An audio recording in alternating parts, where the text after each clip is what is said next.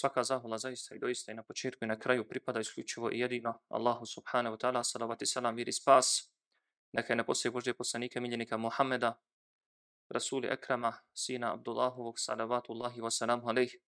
Salavat i salam, mir i spas, neka i na njegovu plemenitu porucu Ehli Bejt, zatim na njegove časne ashabe, prijatelje, drugove i pomagače, potom i na njihove tabiine, to jeste nasljednike i pratioce, u činjenju dobra i odvraćanju zla i na koncu salavati salam mir i spas.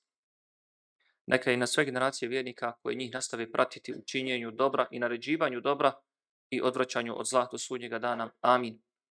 Poštovana braćo, cijenjeni vjernici, Allahovi robovi, postači, Assalamu alaikum wa rahmatullahi ta'ala wa barakatuh.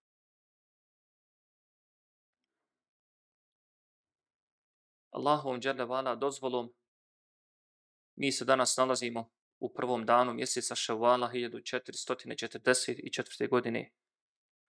O Hidžri, jedan učenjak kaže od znakova Allahove veličanstvenosti jeste i to da nas testira da bi se pokazalo ko je iskren i ko nije, pa ono što je jučer u ovo doba bilo zabranjeno, samo dan poslije je dozvoljeno ono što je danas u ovo doba dozvoljeno, jučer je bilo zabranjeno. I u tome se oslikava jeli, pokornost nas vjernika. S obzirom da ćemo Bajram namaz klanjati, inša Allahu ta'ala, u 6 sati i 51 minutu, dakle, imamo još neki sat vremena i 3 minute prilike. Prvo ću se ja obratiti sa nekoliko riječi, poslije mene šeji Muhamed Ikanović će se obratiti, a onda poslije njega i predsjednik džemata Almir Botonić poslije toga ostavit ćemo desetak minuta prije Bajrama prostora i za našu Bajramsku Sergiju i naravno par minuta uoči samog Bajrama, dakle da pojasnimo i podsjetimo se kako se to klanja Bajram namaz. Onda ćemo pristupiti obavljanju Bajram namaza, održat ćemo Bajramsku hutbu Rejsu Lemi doktora Husine Efendije Kavazovića i poslije toga pozivamo sve koji imaju naravno vremena dole, jeli odmah na ulazu u naš centar, bit će priušteno dakle da se nešto prizaloga i da ne idete gladna, jeli, što kažu, gladna ona ili prazna stomaka i gladna srca da ne idete na posao. Pa znači pozivamo sve koji ne žure, koji imaju vremena, dakle da dole se malo družimo, a onda naravno svako će svojim putem dalje.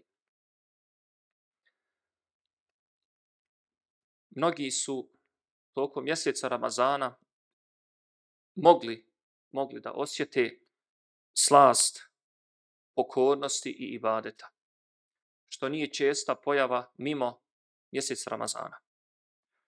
Mnogi su osjetili slast stajanja u namazu, malo dužeg stajanja. Inače, naši namazi, mimo Ramazana, Allah najbolje zna, svako to od nas, jeli, pojedinačno najbolje zna koliko dugo stoji u namazu i koliko zapravo dugo traju ti naši namazi.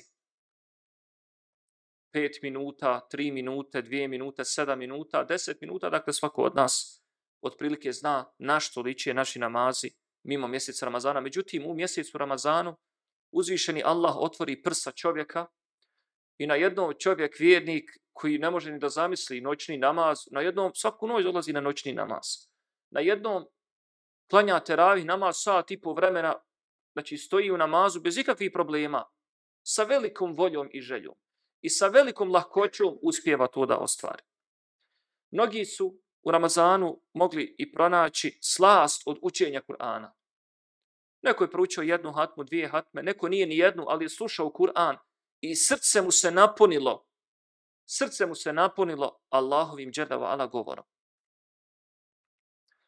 Neki su pak mogli da dožive i osjete slast dove, Možda nikad u životu toliko nisu dobili. Allah im otvorio prsa. Kaže uzvišeni u Kur'ani Kerimu, elem nešrah leke sadrek. Zar ti mi nismo, Muhammede, raširili tvoja prsa? Zar ih nismo učinili prostrani?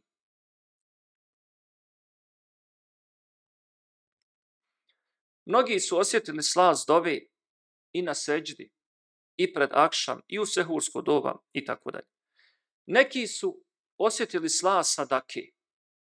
Nekad insanu teško odvojiti se od 500 eura, 1000 eura Međutim, kad čitaš hadise, pa tamo nađeš, kaže Allahov poslanik sallallahu alaihi sallam, je bio, kaže, najdarežljiviji. A posebno je bio darežljiv u Ramazanu. Čovjek i planove neke ima, opravdane planove. Te u Bosni ovu, te u Sanđaku onu, te ovdje nešto treba popraviti. Ali džabaj kad dođe mjesec Ramazan, sve to pada u vodu. Kad se čovjek sjeti da se nalazi u Ramazanu. Na nijetio 500 eura, dao 1500 eura. Na nijetio da napravi jedan iftar u džematu, napravio tri iftara u džematu. I tako dalje, i tako dalje. Mnogi su osjetili slast samog čitanja Kur'ana.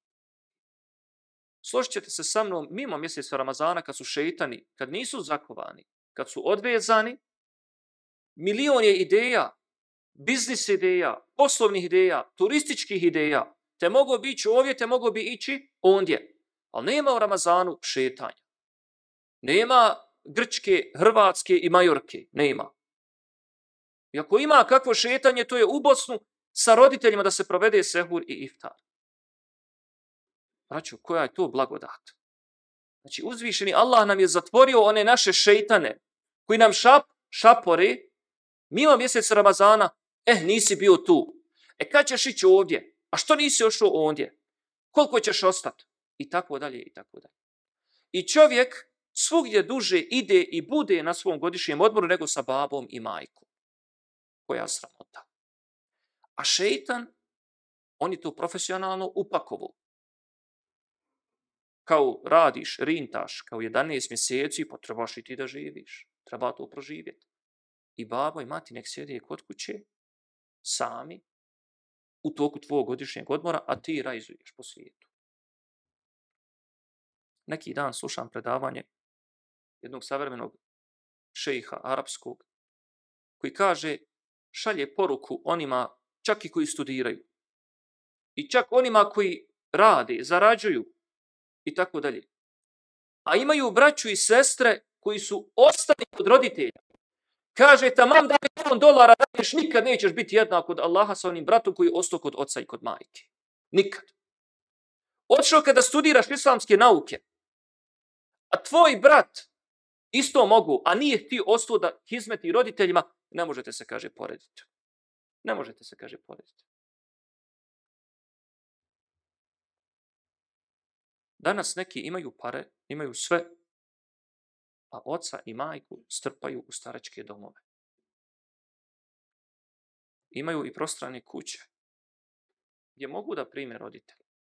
Međutim, odluče se iste one roditelje koji su njega, kad je mali bio, prali, njegovali, školovali, podržavali, hranili, tugovali sa njegovim tugama, radovali se sa njegovim uspjesima. I on se dokopao Minhena i para i oca i mater u starački dom. Naravno, ko je pokušao i dao sve od sebe, i ovi starački domovi su danas jako dobro opremljeni sa stručnim kadrovima i tako dalje i tako dalje, to se podrazumijeva, razumijemo se. Međutim, bez da išta insan pokuša ili potrud, bez, bez ikakve savjesti, grižnji, bez išta, onako da čuhni roditelju staračke domove, je katastrofa. Naši ispravni predvodnici su imali običaj posljednje noći mjeseca Ramazana. To je sinoć, odnosno preksinoć, uoči, dakle, Bajrama, kako pripovjeda Alija radijalahu ta'ala anhu, da bi dovikivali jedan drugom Ja lejte ši'ri men hadhal maqbulu en lejlete fenuhennihi. Govorili bi ko je taj kome su primljena dijela u Ramazanu fenuhennihi, kaže pa da mu čestita. I zaista, braćo, ovdje kad realno pogledate okolnosti, uslove života, razdaljinu, neko od vas je prešao 30, 40, 50, 60 km da bi došao sad na sabah namaz, pa će opet poslije toga na posao, je tako?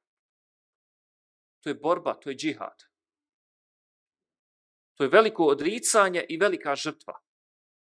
I zaista, iako nema potrebe, Allah sve vidi, ali zaista treba čestitati i pohvaliti one koji su pored svih tih okolnosti ispostavili sve dane Ramazana, a usto radili, one koji su od mukotrpnog rada izdvojili za našu ramazansku akciju 500, 750 ili 1000 eura. Ovaj objekat od 4,5 miliona eura, ovo nisu rode donijele ovdje i otplatile. To ste vi, braći, otplatili. Nama je ostalo duga još nekih 750, 60 ili ne znam, otprilike 1000 eura u naredni tri godine da to otplati. Od 4,5 miliona eura. Ko je to braću otplatio? Odvojio od zalogaja sebe i svoje hanume i djece? To ste vi, braću.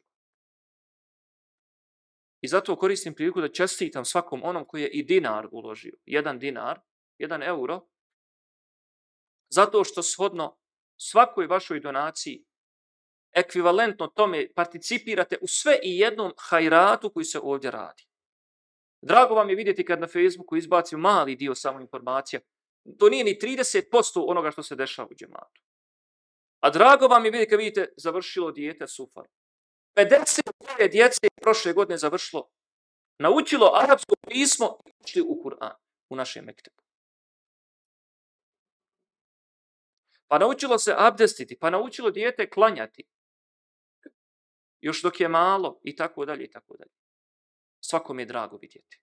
Zato je čestitamo svakome onom koji je uzeo učešće. Pa sahabi su dakle jedan drugom znali da čestitaju. Men hadel makbulu lejlete fenuhennihi. Ko je taj kome Allah prima večeras njegova dobra djela u Ramazanu pa da mu čestitam? ومن هذا المحروم فنعزيه i ko je taj kom je uzvišeni Allah neće primiti, pa da mu izrazimo saučešće. Doista onaj ko živi u ovom vremenu i propušta sve ove prilike, sva vrata hajra koja mu je Allah prednost drži, a njemu su privatni projekti preći, zaista, braćo, takav insan je sa saučešćem. Allahu poslanik spominje u hadisi šerifu e, vrste ljudi. Pa kaže, ima ljudi koji su katanci za svako zlo i ključevi za svako dobro. A ima ljudi koji su katanci za svako dobro, a ključevi za zlo. Je li neka igranka, fešta, utakmica? Eto ga, ne može bez njega.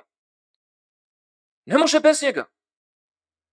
Teravija, džamija, hatne, mekteb, Sadaka, ne ima ga. Prepoznat ćete vi takvi u vašem okruženju. Auto bijesno vozi. Nikad u svom životu nije dao 1000 eura donacije. Nikad. On ne može to da, za, on ne može da registruje. Da ima neko tolikog IQ-a da da tolike pare. On tu ne može da registruje. Za njega je to previše. On može da 10 eura, 20 eura. Ali da da 1000 eura, nema šanse.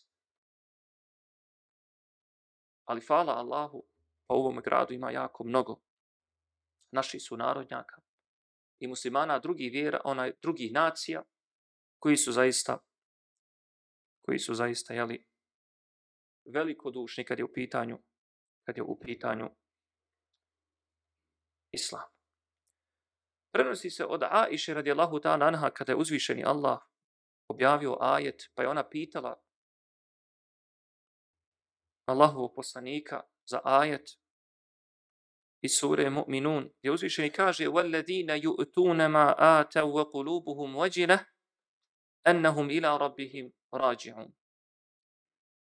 S obzirom da smo braćo ispostili, hvala Allahu, mjesec Ramazan, udjelili zekat, očistili svoju imovinu, udjelili i sadekatul fitr, da nadomije sadekatul fitr, da popuni eventualne rupe u zekja u postu.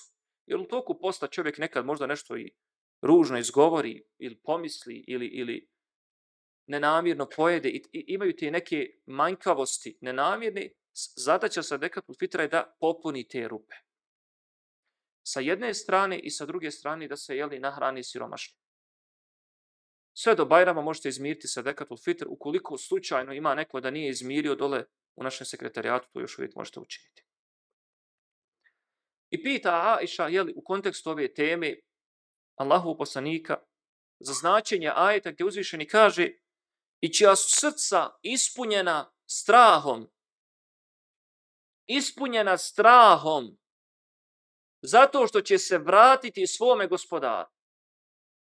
Kaže Aisha, logički, ko što bi svako od nas rekao, Allahu poslaniće, ehumul ladhina yashrabuna al-khamra wa yasriqun. Kaže Allahu poslaniće, ovi ljudi o kojima Allah govori u ovome ajetu, da će se, da su njihova srca ispunjena strahom, na pomisao da jednog dana stati pred Allaha. Jesu to, kaže, ovi što piju alkohol i kradu. Ovako čovjek kad čita ovaj ajet, onako može da pomisli, pa ovo su sigurno oni što ne klanjaju, ne postoje nikako, kradu, piju alkohol, puše nargilu, idu u diskoteku svako malo i tako dalje. To je ono na prvu. Kaže Allahov poslanik, kaže la, ne kaže kćeri Ebu Bekrova. Ne, ne misli Allah u tom ajdu kaj na te ljude. Walakinnahum alladhina yasumun wa yusallun wa yatasaddaqun. Nego kaže o kćeri Bekrova. Uzvišeni u tom ajetu govori o onima čija su srca ispunjena strahom, to jeste neizvjesnošću.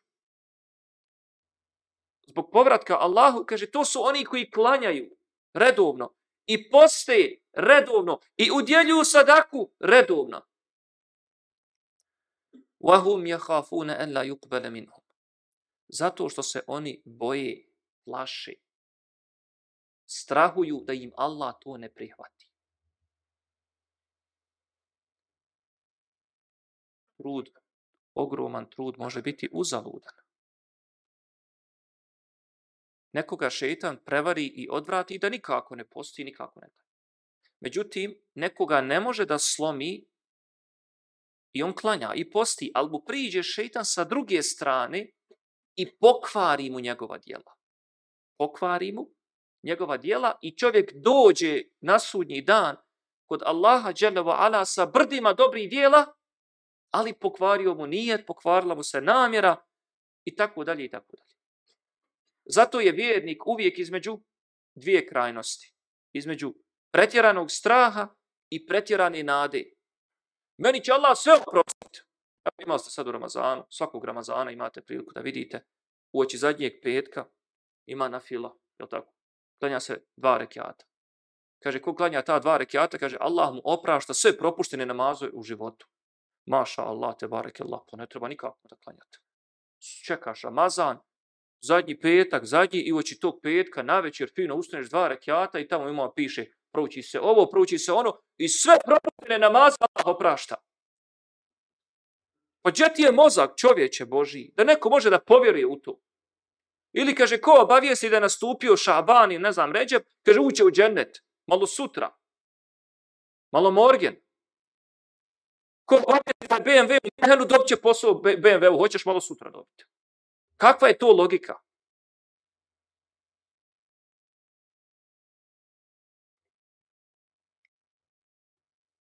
Kaže poslanik za ovu skupinu ljudi, čija će srca biti ispunjena strahom. Kaže, to su oni koji klanjaju, to su oni koji poste i sadaku udjeljuju i oni se plaše da im Allah ne primi, ne prihvati i ne ukaboli. Ulaike alladine yusari'una fil khairati wa hum laha sabiqun. To su kaže oni ljudi koji inače po prirodi i karakteru oni uvijek se takmiče. Yusari'una fil khairat. Gdje god ugledaju hajr kakav, žele da participiraju, pa makar djelomično. I zato, braćo, ako vidite priliku pred vama, bilo koji hajr, neko vam nudi, pasite sad ovo, neko vam nudi, ili nađete se slučajno u mjestu gdje se o nekom hajru priča, smijem se Allahom zaklijeti. Da vam je to, znači Allah vas odabro. Ponudila vam se prilika da učinite hajr. A sa druge strane, to vam je test. Hoćete li ga položiti ili nećete? Znači, priča se u tvome okruženju da se neki hajrat učini i ti imaš šansu da participira. Uzmi učešće. Uzmi, uzmi učešće. Pošto našem džematu dolazi jako mnogo upita, pogotovo iz Bosne, nema skoro dana da nema upita.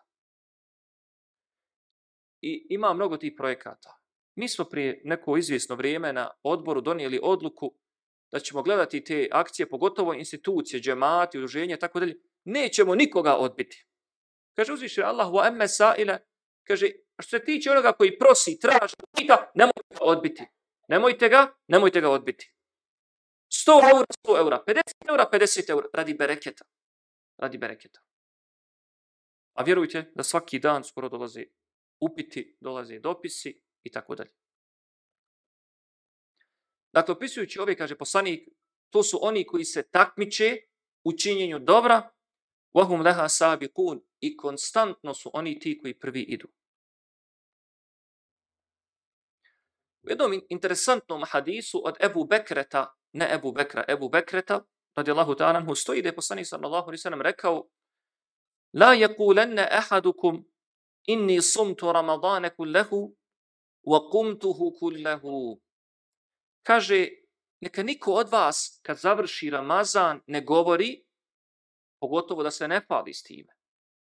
E, kaže, ja sam ispotio cijeli Ramazan i kaže, i klanjao sam sve teravi u Ramazan. Što znači, je poslanik rekao? Neka niko od vas ne govori da je postio cijeli Ramazan ili da je klanjao cijeli Ramazan. Kaže Ebu Bekre, kaže, nisam siguran da li je to poslanik ili sam rekao zato što mrzi da neko sam sebe hvali ili kaže je po time se podrazumijevalo da je li svaki čovjek ima braćo propusta u dijelima. I unaprijed se faliti da je čovjek ispostio cijeli Ramazan, a ne zna šta je od toga Kabul i primljeno i validno i tako dalje, jel dovodi se insan u nezgodnu situaciju.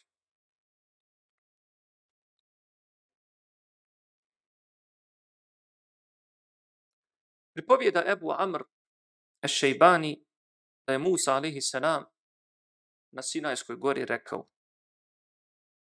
a bilježi Ibnu Rajab Hanbeli u svome kapitalnom dijelu Lataiful al-Ma'arif koji govori o hijđarskim mjesecima. Pa kaže Ja Rabbi in ene sallaitu fe min qibelik. Kaže gospodaru moj, iako sam klanjao, kaže pa to je zbog tebe.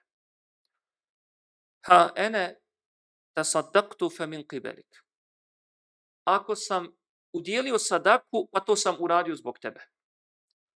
Wa in ballagtu risalatik fa min qibelik. I ako sam dostavio tvoje poslanice, knjige, spise i tako dalje, to je bilo zbog tebe. Fa kayfa ashkuruk? Pa kako Allahu da ti se zahvalim? Kako da ti se zahvalim što sam sve to uradio uz pomoć tebe? Insan ako ima u svojoj familiji, a vjerujem da svako od nas ima bližu ili dalju rodbinu, koja je jako daleko od vjere. Jako daleko. Sigurno insan dođe i zapita se i kaže Subhanallah, pogledaj tog mog rođaka. Ne klanja nikako. Paste. Ne posti nikako. Sadaku ne bi nikad u životu dao.